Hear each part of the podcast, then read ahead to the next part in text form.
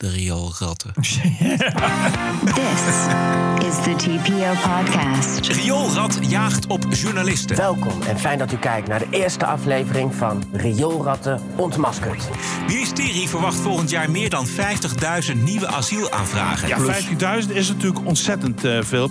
En de NAVO on high alert in Roemenië. This is a combat deployment for us. We understand that we need to be ready to fight tonight. Aflevering 398. Ranting and Reason. Bert Bresson, Roderick Phalo. This is the award winning TPO podcast. Goedenavond Bert. Ja, goedenavond. Eventjes toch in Engeland beginnen, want het is eh, maandagavond 24 oktober, de dag dat de Britten weer een nieuwe premier hebben. En eh, zijn naam is eh, Rishi Sunak. Saai, maar betrouwbaar. En dit is hem vanmiddag. We have to tell the truth about immigration. It is simply unacceptable to have the current situation where criminal gangs are still trafficking illegal immigrants to this country, exploiting loopholes in the legal system, and yes, our compassion. We must never lose that compassion, but we must be tougher and we must be uncompromising. And as someone who is the product of immigration and the warm and welcoming embrace of this country, I know it can work, but only legally. We have to tell the truth on criminal justice and sentencing. Over half of all crimes are committed by just 9% of criminals. So if you want to deal with the crime, then any answer that doesn't target that group of people who are committing most of it isn't worth the paper it is written on. Ja. Dat zijn toch wel eh, conservatieve onderwerpen. Immigratie, eh, Yep. crime. Maar hij had het ook over NHS, eh, de gezondheidszorg en zo. Dus, ik geloof dat hij op zijn dertigste al kon rentenieren. Dus een steenrijke gast. Ja, is, eh, is een mooi, een mooi succesvol voorbeeld hè, van, eh, Ja. van integratie in Engeland. Maar het is natuurlijk, natuurlijk prachtig, vind ik het, dat eh, uitgerekend, eh, toch wel een conservatieve hardliner. Ja, dat is dus nu de, de eerste premier van kleur. Waar je, waar je toch uh, woke links al wederom het nakijken geeft. weet ja, je? precies. In, in Italië de eerste vrouw. En, eh, Ja, ja, ja, ja, ja. Ik zag ook eh, onze man in Londen, die twitterde een linkje van iemand die eh, was een Nederlandse hoogleraar die woonde in Groot-Brittannië en die was naar Italië gegaan omdat ze het racisme en de brexit was. Boris Johnson die had geen zin meer. Dat vond ik wel opvallend. ja, dat, ik begreep dat ook niet, maar zal, misschien dat zal toch een smoesje zijn. Ik kan me echt niet voorstellen dat hij toch ineens geen zin meer heeft. Ik denk dat hij er gewoon uit is gepraat. Ja. Of het- Boris, doe het niet. Ja, Zoiets. Zou kunnen. Eh, het kan ook zo zijn dat hij denkt, ja, dit, het is me eer te na. Ik bedoel, eh, ik ben weggestuurd. Dan eh, kunnen ze de, het dak op ook. Ja, maar daar leek het eerst niet op. Dus dat is dan wel ineens een merkwaardige draai. Dan had hij dat wel aan het begin gezegd. Van, ik, jongens, eh, reken niet op mij. Hij duidelijk liet hij merken dat hij, eh, dat hij er ja, dus eigenlijk wel weer zin in had. En ineens op het laatste moment zegt, oh, ik heb er toch geen zin in. Ja, dat kan natuurlijk voldoende redenen hebben. Je weet dat niet. Forum voor Democratie opent de jacht op, in hun woorden, rioolratten van de journalistiek. Alle pers die niet met Forum is, is tegen Forum en gebruiken leugens om Forum zwart te maken. Zo is een beetje de gedachte achter de videoserie Rioolratten ontmaskerd. Er komen meer afleveringen.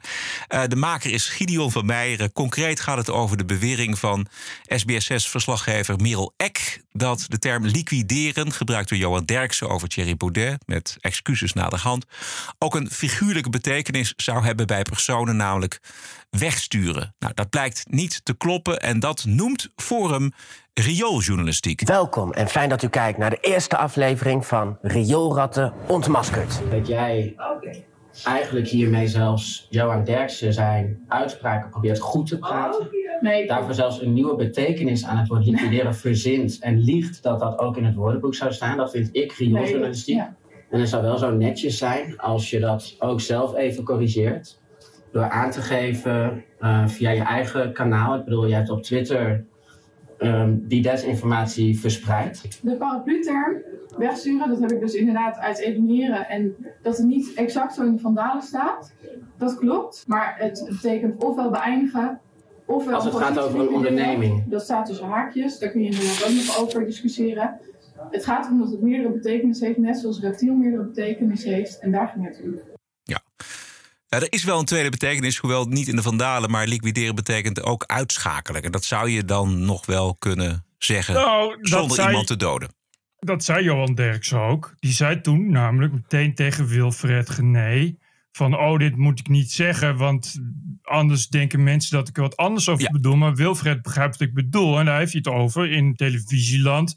Bij een talkshow, als je... Op, moet je de hele tijd ga je gasten wisselen. En dan zeg je eh, dus inderdaad eh, liquideren. Ja, Weet je, en eh, bovendien, die Merel van Eck heeft het hier prima uitgelegd. Dat vind ik toch wel een beetje de, het ironische van dit hele verhaal. Dat die Gideon die wil wat bewerkstelligen. En eerlijk gezegd is het alleen maar beter op geworden voor haar. Ze heeft keurig uitgelegd wat ze ermee bedoelde en wat ze wel en niet wil gaan aanpassen. Dus hij heeft eigenlijk ook geen, geen zaak.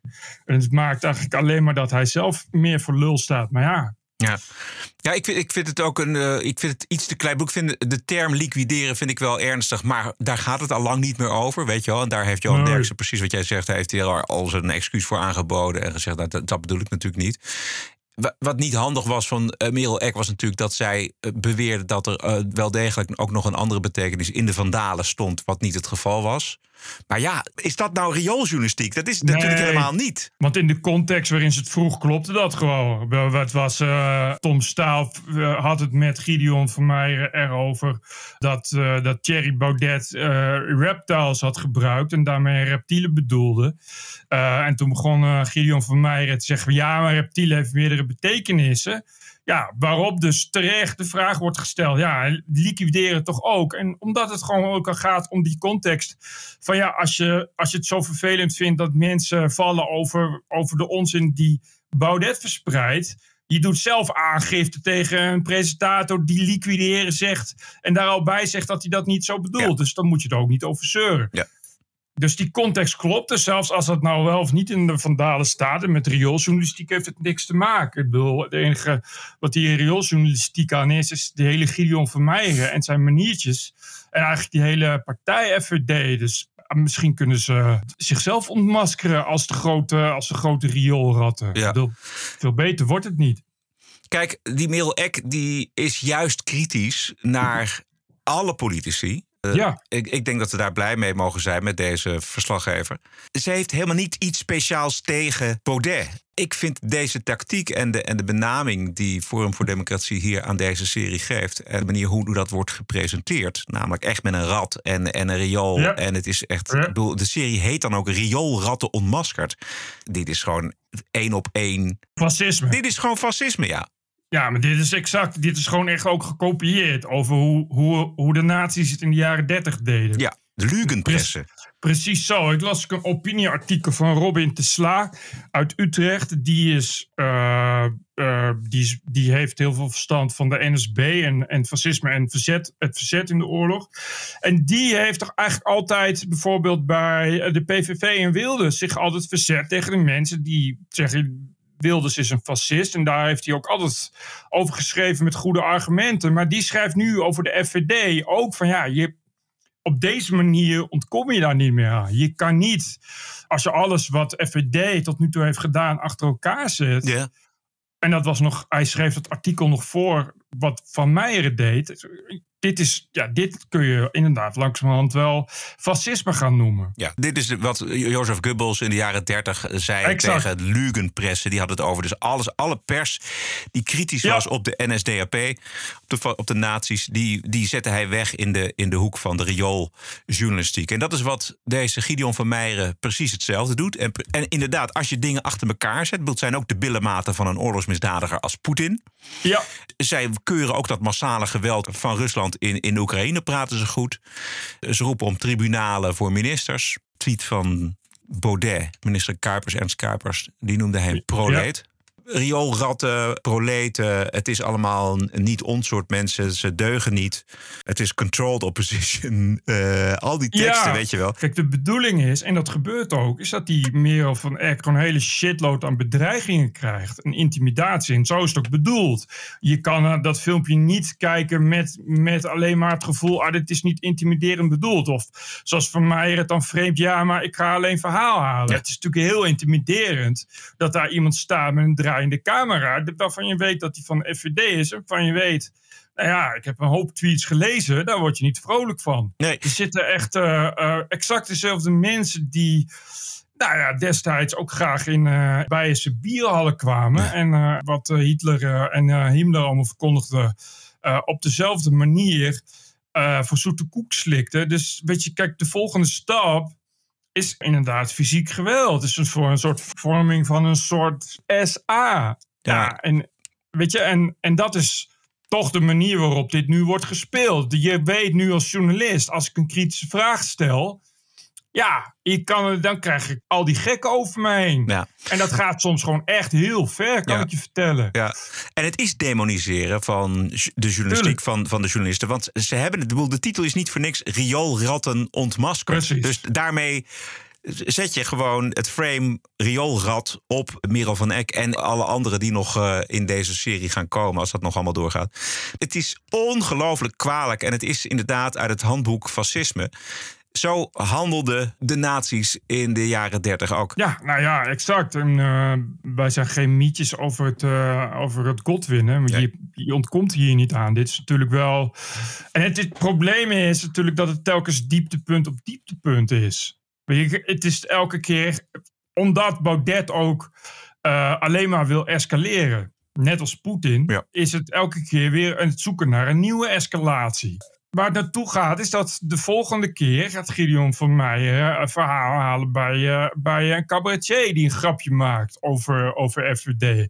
En daarna gaan ze naar een uitgeverij. Nou, dus nogmaals, precies zoals de nazi's dat deden, dan moet je wel, vind ik, op een gegeven moment iets over zeggen.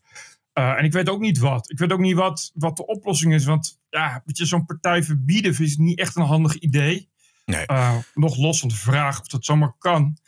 Uh, ik denk wel dat het goed is als, als media ja, FVD meer gaan negeren. Want het enige wat je kan doen is, is toch zoveel mogelijk voedingsbodem wegnemen. Ja. Dat werkt maar voor een gedeelte. Weet je, kijk, die filmpjes op Instagram, die, die worden voor 99% bekeken door FVD'ers, die daar ook op losgaan. Precies, dus, dan, ja, dus wat, wat schiet je op met de, dat de media deze mensen gaan mijden? Niet zo heel veel. Heel weinig. Dat, is dus, dat is dus het grote probleem van nu. En dat kon je vroeger natuurlijk makkelijker. Dan kon je zeggen, ja, als je een, een, een cordon sanitaire hebt, dan krijgen die mensen ook geen plaats in de media. En dan, dan heb je er geen last van. Maar dat gaat nu niet meer op. Ja. Ik zat gisteren, dacht ik van ja, wat, ik had enorm de behoefte om te reageren. Maar uiteindelijk eh, dacht ik van ja, dan krijgen we toch zo ongelooflijk veel gezeik weer. En wat schiet ik ermee op? En wat schieten we ermee op? Dat Nou, ik dat gewoon exact. niet gedaan heb. Ja. Maar, Dat is het probleem. Ja. Dat je er ook niks mee opschiet. Maar deze- Dat helpt toch niet. Nee, nee. Maar je, het kan ook niet onbeantwoord eh, blijven, dit gedrag. Nee, maar ik zag wel dat bijvoorbeeld toen, toen Baudet over die reptielen eh, had, is bijvoorbeeld een site als nu.nl, die brengen dat dan niet. En dan denk ik van ja, dat is misschien wel goed. Ja. Als al die nieuwsmedia dat telkens brengen, legitimeer je het ook heel erg. En door het niet te brengen heb je in elk geval, eh, ja, blijft het in een, in een eigen biotoop. En dat geeft er volgens mij al ook veel meer lucht en ruimte aan eh, de mensen die, die er last van hebben. Zoals nu zo'n Merel van Eck. Ja. Ja, want ja, ik las in NSC dus inderdaad een oproep van Harm Ede Botje en nog iemand om, om dan te zeggen, we moeten FVD gaan negeren. Maar ja, ik, het is te makkelijk om dat te zeggen, omdat, ja, kijk, FVD is een partij die voor een groot gedeelte bestaat in hun eigen mediabiotoop. Mhm. Die, deze partij verdient natuurlijk een, een hele kritische kijk. Verdienen alle politieke partijen, maar zeker ook Forum voor Democratie. Dus ja, gewoon de- eh, kritisch volgen. Dat is sowieso goed. Maar dat is toch wat anders dan eh, ja, al die nieuwsfeitjes maar brengen als nieuwsfeitjes. Dus elke keer als Baudet eh, al half dronken weer over, over reptielen begint, ja. moet je dat dan elke keer brengen. En zo'n van Gideon van Meijer net zo. Ja, weet je, kijk, moet je de aandacht aan steden, het wordt alleen maar groter op die manier. En het moet juist, het moet juist klein blijven. Maar ja, aan de, de andere kant is dus van ja, misschien moet je er toch wat mee. Ik denk dat het ook wel heel goed is dat je daar als media goed aan doet om, om mensen te blijven, eh, te blijven waarschuwen. En inderdaad ook te kunnen laten zien van dit is er gaande. Ook omdat ja, uiteindelijk moet je toch het met elkaar over hebben. Wat gaan we aan doen? Het is een sym- symptoom. Eh, dat symptoom kun je bestrijden. Maar het is natuurlijk wel een, een symptoom van iets wat, wat eronder ligt. En daar moet je toch ook eens een keer iets mee. En hoe gevaarlijk deze partij is. Maar hoe gevaarlijk is het dat, dat voor vier, mensen, vier zetels mensen daarop stemmen? Ja, precies. Kijk, en dat vind ik het probleem met, met al die mensen die nu roepen... je moet die partij verbieden. Ja, ja, maar ja... Ten eerste, als je dat doet, dan komen ze terug onder een andere naam. Je kan niet zomaar iemand zijn actief kiesrecht afnemen. Eh, en dan komen ze terug met, met een hele grote slachtofferkaart. Wij, wij, wij zijn verboden door de elite. Precies wat jullie altijd Ja. verteld hebben. Ja, Dus koren op de molen. koren op de molen. Maar, maar nog los daarvan, weet je, dan kom, je, je krijgt ze niet weg, om- omdat ze nou eenmaal volk vertegenwoordigen. En je moet je gewoon volgens mij afvragen, wat kunnen we doen aan het feit dat er 400.000, 500.000 mensen zijn die bereid zijn om, om dit te accepteren. Die bereid zijn om journalisten rioolrat te noemen. Om die bereid zijn om al die shit ook echt te geloven. Daar moet je volgens mij iets mee. Er wordt weer lekker gepold. Eh, rechtse oppositie of rechtse combinatie van drie partijen, PVV, Ja 21, BBB, is nu groter dan de vier regeringspartijen samen. Ja. Dat was allemaal volgens eh, Maurice de Hond gisteren weer. FVD nog altijd op vijf zetels, ongelooflijk. Eh, de Hond peilde ook de populariteit van de ministersploeg. En het, nou, het zal niet verbazen, toch wel enigszins, maar minst populair is Kaag. Eh, terwijl de minister van Financiën bijna altijd de populairste minister is. Dat zagen we in het verre verleden bij mensen als Wim Duisenberg, eh, Wim Kok, Gerrit Salm, Wouter Bos, Jeroen Dijsselbloem. Maar Kaag bakt er zo weinig van dat ze eh, de minst populaire minister uit de ploeg is. Ja, maar je kan ook niet echt zeggen dat Kaag nou een grote, hoe zou ik het zeggen? Groot licht. Eh, charismatische factor heeft. Me- meer het tegenovergestelde. Vooral niet op dat, dit onderdeel. Ik bedoel, financiën, ja, de- ik denk dat heel Nee, veel... precies. Niemand vindt dat. Niemand vindt dat zij daar op een goede plek zit. Eh, ze weet weinig van financiën. En als ze naar buiten komt, komt ze altijd naar buiten. In zaken die gaan over het buitenland of morele kwesties. Juist. Dus, dus niemand weet ook dat ze op financiën zit. Eh, en eh, ja, het is, nou, het is niet echt een vrouw waarvan je denkt van... eh, dat is een eh, warme vrouw waar je even eh, leuk mee naar, eh, naar de kroeg gaat. Dus, dus, dus ja. Ja, maar dat hoeft niet met de minister van Financiën, volgens mij. Als je goed op de staatskas past, dan, Ja, dan vinden Nederlanders dat al snel fijn. Rutte op eh, nummer twee van onder, dus eh, na Kaag. Eh, de jonge Hoekstra en Jette. Het is toch ook allemaal erg wel voorspelbaar dat het deze mensen zijn. Maar het zijn die- ook Yep. de mensen die enorm hun best doen om zeg, in de media, in de kijker te spelen. En zo'n de jongen, die, wat, die heeft toch behoorlijk wat PR-uren erin zitten. Het zet weinig, weinig zoden aan de dijk. Nou goed, die, die, die waren puur en alleen voor zijn eigen ego. Dus dat maakt dan weer niet zoveel uit natuurlijk. Oh ja. En toch weet het kabinet het wel dat ze niet populair zijn. Want de koning heeft het uit naam van de regering gezegd. Het blijft pijnlijk en beschamend dat zoveel mensen en gezinnen in grote problemen zijn gekomen door fouten en nalatigheid van de overheid. En zorgwekkend is ook dat mensen in een volwassen democratie als de onze het vertrouwen verliezen in het oplossend vermogen van politiek en bestuur. En daarmee is alles gezegd. Is hij niet eh, de baas van, eh, van alles? Kan hij niet gewoon eh, ja, liquideren, zeg maar? Het, het wantrouwen liquideren. Ja, die liquideren kun je op meerdere manieren uitleggen hoor. Dus, eh, Zouden die ministers nou daar nerveus van worden? Denk eens nou van ja. nee, nee. Pa- Paul is er, ja, maar dat zijn peilingen. Je weet hoe het gaat. Zegt ze, ja, maar goed, dat zijn peilingen. En, en als het ze uitkomt, dan zijn het heel belangrijke peilingen. Dan zeggen die peilingen alles. Maar als het ze niet uitkomt, dan halen ze gewoon hun schouders op. Zegt ze, ja, maar goed, het zijn maar peilingen. En dan, en dan als er dan nieuwe verkiezingen moeten komen, dan, dan, en, het, en het lijkt erop dat ze heel klein zijn, dan willen ze peilingen verbieden voor de verkiezingen. En als het niet zo is, zegt ze al goed dat er peilingen zijn. Dat, dat kan en mag in het open land. Heel waardevol. Dus ja, nee. Jij denkt niet dat ze daar nerveus van worden? Ook niet als het zo lang aanhoudt, deze impopulariteit van dit kabinet? Nee, ja, dat, dat weten ze toch al dat ze impopulair zijn. Ja.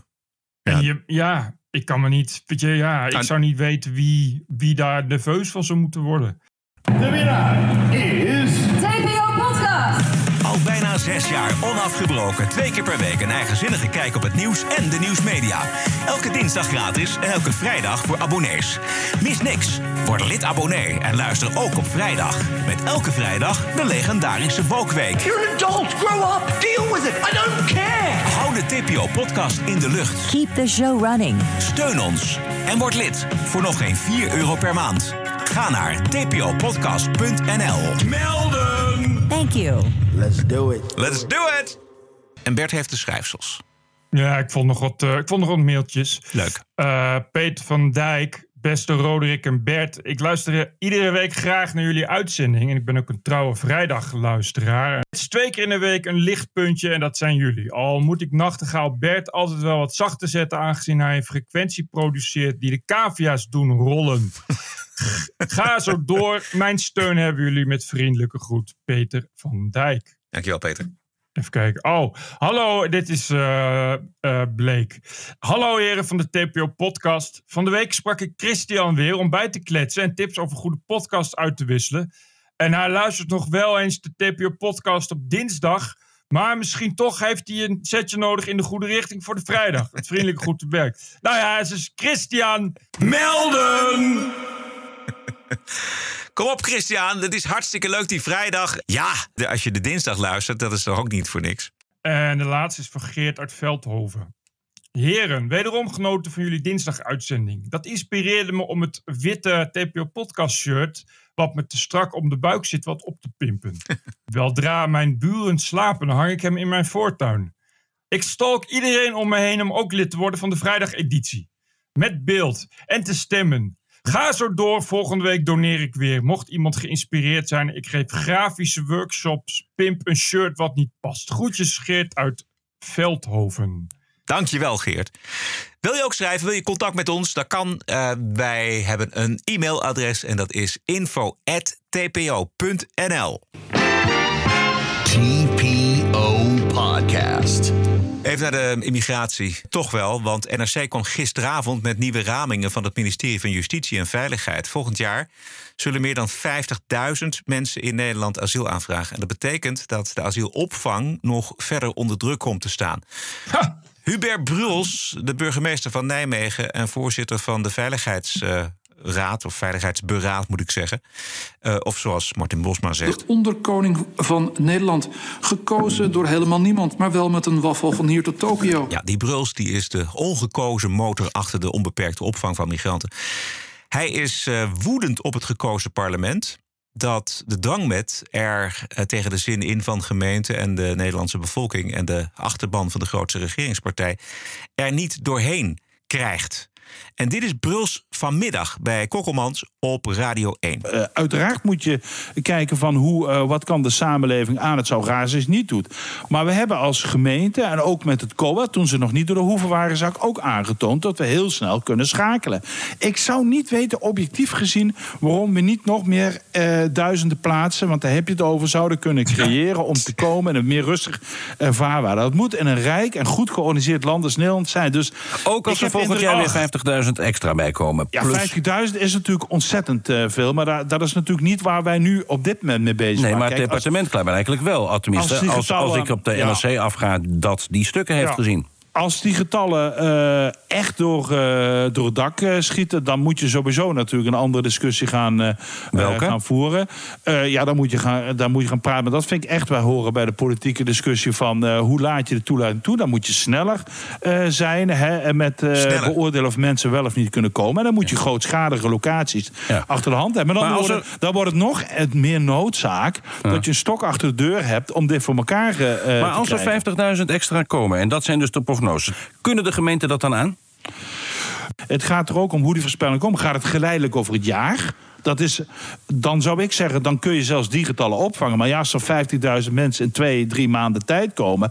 Ja. dan gaat het niet lukken op deze manier. Dat, dat kan niet. Dat En dan? kan ik me niet voorstellen. Dan, En dan? ja, dan zul je eh, als Nederland eh, echt een harde noten moeten kraken. Dan zul je hele grootschalige opvang in een hele korte tijd eh, moeten gaan realiseren. Ja, of vluchtelingenverdragen aan je laars gaan lappen. Wat niet mijn voorkeur Juist. zou hebben. Dat, dat is dan de afweging die je moet maken. Met andere woorden, eigenlijk waar we nu nog mee bezig zijn, Ja. is al dramatisch. Eh, maar het kan nog veel erger worden. Dus de noodzaak om juist middelen achter de hand te hebben om sneller te kunnen opschalen. En in het uitgeval ook partijen te kunnen dwingen om mee te helpen, die wordt eigenlijk alleen nog maar groter. Ik vind dit ongelooflijk dat deze man zo denkt. Wat is, dit? heeft hij last van een gigantisch ego dat hij dit op zijn naam wil hebben of zo? Hoe, hoe werkt dat? Nu kunnen we al geen duizend mensen per week huisvesten. Als er nog 50.000 bijkomen.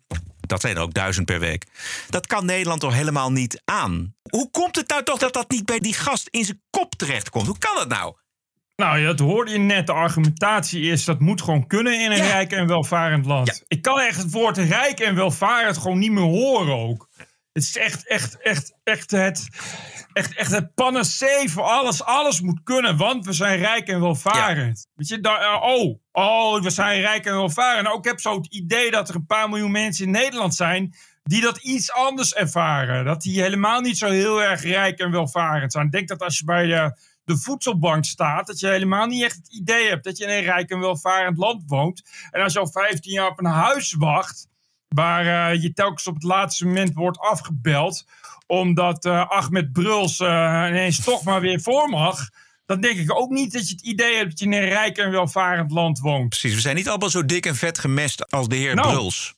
Het gaat de hele tijd zo. Daarom, daarom kun je dat woord rijk en welvarend ook niet meer horen. Dat wordt alleen nog maar gebruikt door mensen die er dan achteraan zeggen dat we de rijkdom en welvarendheid te danken hebben aan slavernij. Ja, eh, en, eh, en, eh, en, en aan het uitmoorden van inheemse volken en weet ik veel wat. En dat we ons daarom schuldig moeten voelen. Wat we eigenlijk met terugwerkende kracht eigenlijk al ons hele leven moeten vullen. Omdat we schuldig zijn geboren. Dus het is de hoogste tijd voor herstelbetalingen. Hoor je er dan altijd meteen achterna. Weerzinwekkend dat deze man voor Nederland denkt te praten. En het klopt wat Bosma zegt, namelijk de man is niet gekozen. Is gewoon benoemd en denkt Benoemd? gewoon... Ja, hij heeft een grote waffel van Hito Tokyo. Is die ook van D66? Bruls is eh, CDA. En hij is van 1966. Dus hij is twee jaar jonger dan ik. CDA, maar dat is, nee, dan is dit eh, een christelijke, christelijk appel. Wat eh, daar aan de grondslag eh, Ja, ligt. precies. Ik, weet, ik, ik heb zo'n gevoel dat het er niet meer van komt met die, die wet. Ik denk dat het... Nee, natuurlijk niet. Hè? Denk jij ook? Natuurlijk niet. Nee, nee, die gaat er niet meer komen. Daar gaat ook alleen maar steeds meer mensen dwars liggen. Het wordt ook gelekt, is dat, hè? Dat, er komt dan een NSC, die ziet dan die cijfers in. En dan denk ik, oh, was niet, niet, Oh ja, nog niet de ja. bedoeling. Kennelijk nog niet het juiste moment dat we dat ook te weten krijgen. Of zo. Maar met dat soort cijfers wordt dat niet beter. Want nu gaan gemeentes denken, ja, wacht eens. Straks is er zo'n wet. En dan, krijg je in pla dan wordt het alsnog eerlijke spreiding. Maar dan zijn het alsnog 10.000. Want als je zoveel hebt, dan, kom, dan wordt het alsnog heel veel. En dan krijg je dus dat dan straks alle gemeenten en provincies... die krijgen dan te horen... je moet voor vanavond nog even 80 plaatsen vrijmaken. Wij zijn toch gewoon logische mensen. Ik bedoel, als je nou weet dat het ministerie denkt... er komen meer dan 50.000 asielaanvragen volgend jaar... dan moeten toch alle bellen afgaan. En dan moet je dus ook gewoon, ook met zo'n bruls... met iedereen zeggen van... oké, we gaan nu zorgen dat die instroom vermindert. Want anders dan komen we om in de asielaanvragen. En alles loopt vast. Dat weten we uit het verleden. Let's go. Ook die Gus, die daar minister van Justitie en Veiligheid is... die moet dan om de tafel gaan zitten met Rutte... en met Erik van den Burg en met iedereen... en zeggen, jongens, dit, er komt een ramp op ons af. Wij moeten daar Zou iets je, aan doen. zou je denken, hè? Ja. En als je baas bent van Schiphol, zou je denken...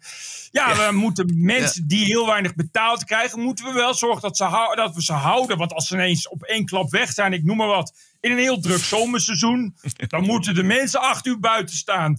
Dat zou je denken. Je zou denken dat als je bij een baas bent van een bank... en je tussen het witwassen eh, en het eh, staatssteun opsoeperen door... dat je dan eh, te horen krijgt dat er steeds meer witwasonderzoek moet worden uitgevoerd... dat je daar van tevoren ruimte voor maakt en personeel inhuurt. Dat zou je denken. Maar ja, Dit is Maar ja, Nederland. Dit is Nederland. Ik, ik, ik heb vandaag eh, eh, voor de zevende keer geprobeerd met ING te bellen. Omdat ik nog steeds niet normaal bij mijn rekening kan voor mijn BV. En dat blijkt toch uiteindelijk allemaal niet te kunnen omdat ik in het buitenland woon. Alleen lukt het de ING telkens niet om dat mij te vertellen. Dus nu ben ik klaar met de ING. Maar eh, ik, ik vertelde dat in de groepschat van Geen Stijl. En toen zei Bart Nijman van... Is er eigenlijk, kan iemand, iemand een bedrijf benoemen in Nederland wat niet onderbemand is? Ja. Ja, nee dus. Nee. En, en Nee. het is echt, echt ontzettend droevig, omdat eh, onderbemanning heeft maar één oorzaak en dat is slecht leiderschap. Slechte Dat planning. is- Slechte leiderschap. planning. Ja, precies. en niet, geen geld willen uitgeven. En ja, en dan, ah, ja, kijk, zo'n zo'n token als ING. Ik, de- ik heb zeven, al zeven keer meer dan een half uur in de wacht gehangen. Zeven keer een half uur waarin ik niets kon doen omdat ik moest wachten. En zeven keer werd ik met een, eh, eh, nou niet met een kluitje, maar meer een soort zak dode vogels in het riet gestuurd. Eh, en, en dat is op zich al erg, maar dan denk je, "G- wel godverdomme, dat kan dan allemaal bij een bank waar de baas wordt verdacht van witwassen. En niet een klein beetje, maar echt heel veel. En witwassen nadat de overheid die bank heeft gesteund. Want die bank mag vooral niet omvallen. Maar dat alle andere mensen die een rekening hebben bij de ING, inclusief de ondernemers, allemaal een half uur moeten wachten. En allemaal kapot mogen vallen van de ING. Dat kan helemaal niemand wat schelen. En dat vind ik zo raar. Dan denk ik, hier in Spanje hebben ze nu een wet dat bepaalde bedrijven verplicht binnen drie minuten de telefoon moeten opnemen. Heel goed. Ik kan alleen maar denken, hoezo niet gisteren al in Nederland? Ja. Maar zoals nu, ja, met Schiphol. Het is toch niet. Dat kan. daar- Ik snap Ja. gewoon niet dat dat, dat, dat, ja, dat dat gebeurt. En dat iedereen er zegt dat kan niet. En dat iedereen daar zijn schouders over ophaalt. En dat die, dat die Jan Lul eh, dan zegt: ja, ik treed niet af. En dan heel langzaam, na heel lang, na heel veel mensen die verschrikkelijke tafereelen hebben beleefd, want die konden hun vlucht niet halen, weet ik veel wat, treedt zo'n gast dan af. En dat je weet, nu gebeurt er niks. Ja. Nu, nu gaat hij, ja, nu gaat hij, wordt hij straks onderbaas bij de NS of, of veiligheidsregio bestuurder of eh, eh, gaat hij dik verdienen bij het COA. Dat, zo gaat dat dus continu. Ja. Ik kan toch niet elke keer maar weer eh, te horen krijgen dat de meest in- incapabele bestuurders die de meest droevige, droevige beleid hebben gevoerd eh, eh, in een regering, dat die toch nog maar weer eens baas gaan worden van, van een, van een, van een semi-overheidscoöperatie waar iedereen op zijn vingers al kan natellen dat over twintig jaar blijkt dat ze vooral heel veel geld hebben verdiend, maar dat het er niet beter op is geworden. Neem een slokje water. Ja.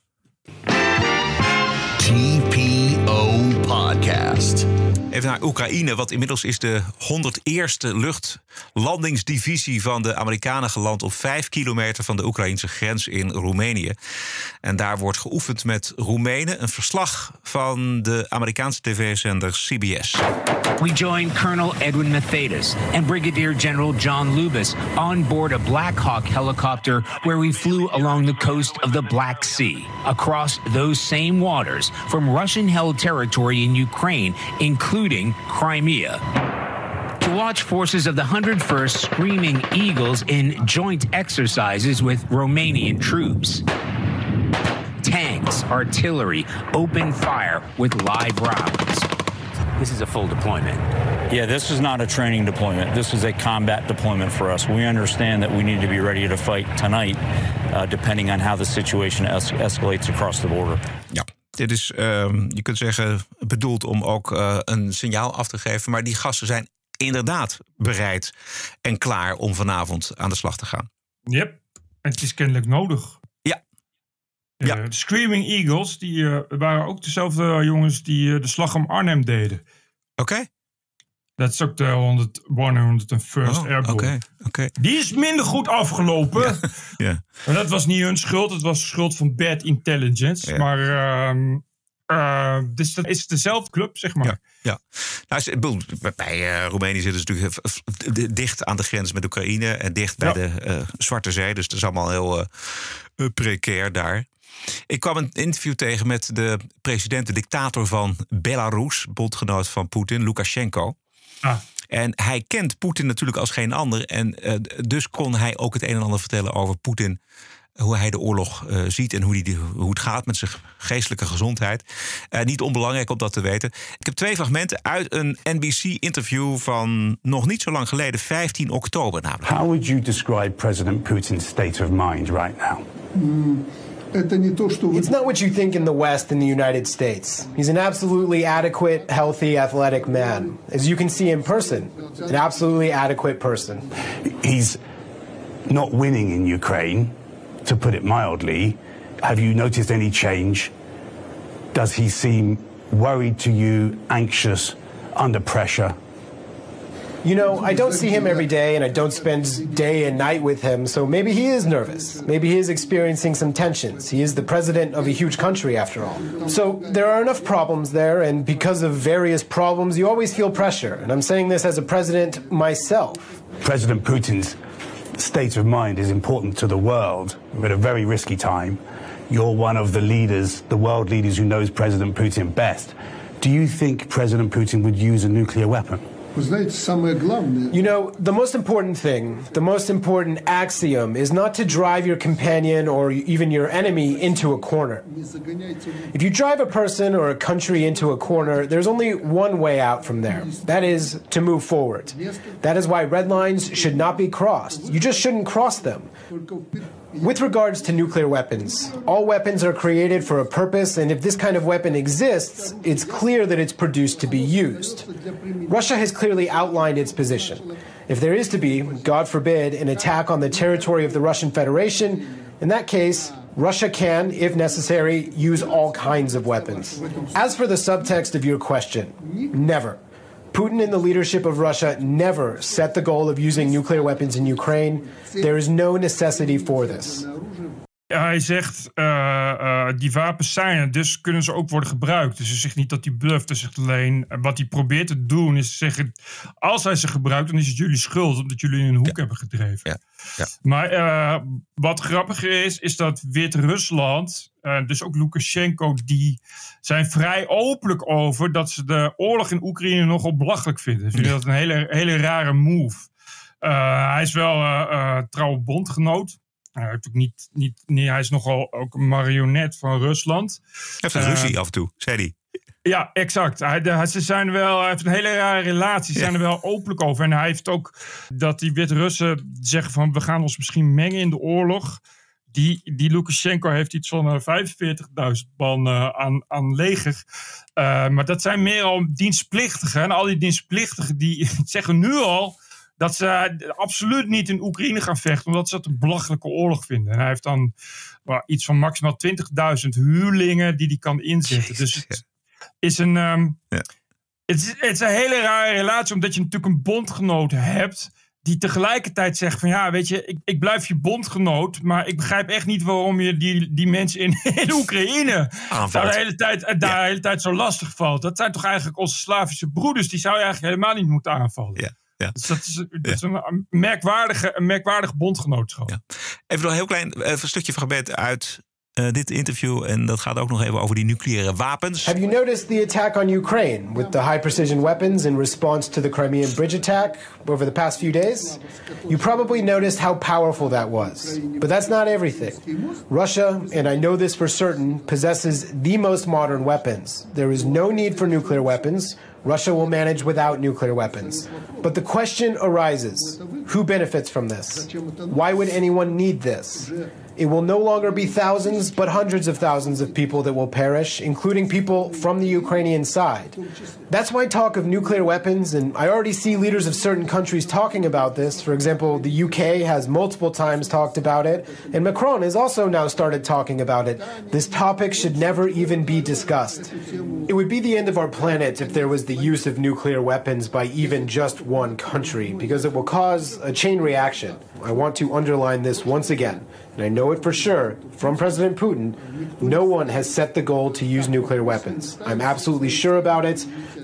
We need to look for ways of a peaceful solution to this conflict. It is beneficial for all, including the United States. Ja, dat Rusland alleen maar de modernste wapens heeft, dat is natuurlijk ook niet helemaal waar. Nee, dat anders, is niet, dat is niet ze niet eh, eh, zoveel Iraanse eh, drones moeten gebruiken. Alles wat ze hebben is eh, nu op eh, eh, aan moderne wapens. Ik Oh, lees ja? nu dat, nou ja, zo goed als. Hij heeft, hij heeft, eh, ik las dat ze bij die drones, was het Finland of Noorwegen? In elk geval zijn er ineens in korte tijd heel veel flitspalen gejat. Ja, voor Zweden. Jezus, wat een verhaal. ja, Zweden. En, en dat zijn gewoon omdat ze die camera's nodig hebben. Dat, zegt, dat geeft ongeveer aan tot. Ja, het, het productiecapaciteit van Rusland is nul. Dus, dus alles wat ze hebben, hebben ze al. En als het op is, kunnen ze. Ze hebben geen, geen chips, geen printplaat, helemaal niks meer. Om, omdat ze ook. Dat, dat was al lastig. Eh, daar heeft heel de wereld last van. Maar door de, door de harde sancties kunnen ze ook helemaal niks nieuws meer bouwen. En eh, ja, de moderne raketten zijn er wel een beetje doorheen, denk ik. Jezus, mina, ongelooflijk. En Iran, lees ik nu, zegt nu dat ze, eh, als blijkt dat Rusland inderdaad onze drones heeft gebruikt in Oekraïne, dan eh, gaan we daarop reageren. Wat, wat Sorry, nog één keer. Iran zegt nu, eh, als blijkt dat Rusland inderdaad drones heeft gebruikt in Oekraïne, dan ja, het laat ons niet, does not remain us indifferent. Dus dan gaan ze negatief reageren op Rusland, zeggen ze nu. Wat een rare reactie is. Heel raar. Er staat voor niks alleen. If it's proven to us that Iranian drones are being used in Ukraine, we should not remain indifferent. Ik neem aan dat ze diplomatiek nu toch weer een groen eh, blaadje proberen te halen. Ja, ja precies. Ja. Ja, ja, ja, dat zou kunnen. Ik heb nog een bonusquote. In de TPO-podcast op vrijdag, de Wokweek. Ook in de wiskunde valt nog genoeg te decoloniseren. Het absurdisme. You're an adult. Grow up. Deal with it. De terreur. Everything woke turns to shit. En het verzet ertegen. This cancel culture is gonna end, end, end. De Wokweek in de TPO-podcast op vrijdag. Ik kwam een mooie bonusquote tegen in de Twitter-tijdlijn van filmmaker Eddie Terstal. Eh, we zien een Iraanse vrouw zonder hoofddoek die uitlegt hoe het patriarchaat werkt. Een hoofddoek op je zevende tegen wil en dank. En zo leert een meisje dat ze niks in te brengen heeft in haar leven. De hoofddoek herinnert haar daar elke dag aan dat anderen, mannen, vooral de baas over haar zijn. I would say to me that's a symbol of oppression, honestly, because you have to wear it. It doesn't matter if you want to wear it or not. I was seven and I had to wear it to school and I did not want to wear it. As a seven year old, I didn't want to wear it and I had no choice in that. And that means my opinion as a woman, I got the message that my opinion didn't matter. I have no voice. I, you know, I couldn't. So psychologically, it, it taught me how not to say no to anything. And that goes from like saying no to hijab, saying no to other uh, oppressions that were going in Iran, saying out to asking for account- accountability. Even I would say it affected my my mar- marital life because, you know, I felt I didn't matter. Ja, dus in een land als Iran is het, de hoofddoek, de hijab, is het symbool van de onderdrukking. Dat voelen die meisjes ook letterlijk. En vandaar dat, denk ik, ook die eh, opstand nu zo groot is. Het gaat Nou, niet alleen over dat doekje, maar het gaat over de, de totale onderdrukking van, van vrouwen en meisjes. Ja, precies. En dat is ook de reden waarom eh, eh, vrijwillig kiezen voor de hoofddoek nog steeds onderdrukking is. Dat, is dat is het hele punt van de hoofddoek. Dat je eh, ja, daarmee ja, zweer je ook natuurlijk eigenlijk vrijheid af. Je bent per definitie minderwaardig. Ja. En, en, en in Iran, als je dat bij ja, dus inderdaad zevenjarige meisjes doet, leer je, ja, dat is eigenlijk een manier om eh, gehoorzaamheid op te leggen. Ja, dat is, dat is wat zij vertelt, precies. Ja, Ja. ja. Nou, dat is een goede samenvatting. Ja, vond ik ook. Goed, dit was het. Elke dinsdag en elke vrijdag online via je favoriete kanalen. Er zijn twee manieren om te blijven luisteren naar de TPO-podcast eigenlijk. Als je geen abonnee bent van de vrijdagshow en alleen de dinsdag luistert... dan kun je doneren.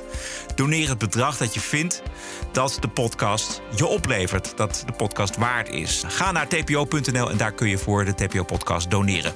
Of word lid van de Vrijdagclub en geniet ook vrijdag van de TPO-podcast... met natuurlijk de one and only Woke Week... Voor 4 euro per maand ben je er al een. Een vrijdaglid. En ga dan naar tpopodcast.nl. We hebben jullie echt hard nodig om te blijven werken. Om dit, eh, deze podcast in de lucht te houden. Dus eh, alvast hartelijk dank voor de steun. En stemmen natuurlijk voor de Podcast Awards kan op podcastawards.nl. Heel veel dank daarvoor. Stay cool. En tot vrijdag. TPO Podcast. Bert Bruson, Roderick Balo, ranting and reason. I don't know if they like it or don't like it. What do I know? You don't know in radio. It's all it's an invention. The whole thing in your head. Ratings come out. They say you're doing good, you survive. They say you're doing bad, they throw you out the door. it's a, the whole thing is a mystery. It's a mystery. That's actually fantastic. You sit in a radio studio, you do a show, and either they tell you you're fired or they give you a raise. You don't know why. Some numbers somewhere tell you tell them whether you're doing good or bad. And so the whole thing is mystically impossible to comprehend. Do you understand this? How amazing this is? Podcasting is the TPO podcast in the Netherlands. Bert and Roderick. What a show. I'm telling you. Keep the show running. Go to tpo.nl slash podcast. Thank you.